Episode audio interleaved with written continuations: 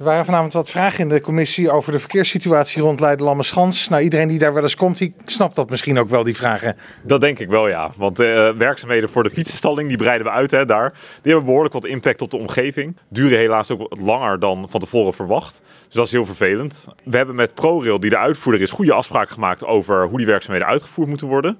Ook wel af en toe een kritisch gesprek gevoerd, omdat we vonden dat het aantal verkeersregelaars bijvoorbeeld te weinig was. Dus sinds uh, vorige week zijn er extra verkeersregelaars bij. En soms staan de hekken ook echt zo dat je alleen nog maar de straat op kan tegen het verkeer in. Ja, precies. Uh, dus het is een uh, onrustige situatie en dat bevalt mij ook niet uh, goed.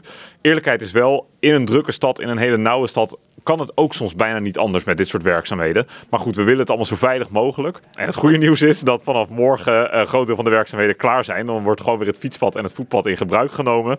En dan hoeft het niet meer afgezet te worden. Is, is het dan klaar of is er dan een deel klaar? Het grootste deel van de werkzaamheden zijn dan klaar. Uh, de fruitkiosk die moet nog verplaatst worden en de fietsenklemmer moet nog geïnstalleerd worden. Maar de grote impact op de omgeving, uh, die is dan als het goed is voorbij. En als het dan klaar is, uh, wat, wat is dan het belangrijkste verschil met hoe het was? Nou, dat is natuurlijk het belangrijkste. Dan is er het aantal fietsenstallingsplekken verdubbeld van 800 naar bijna 1600. Dus dat is heel mooi.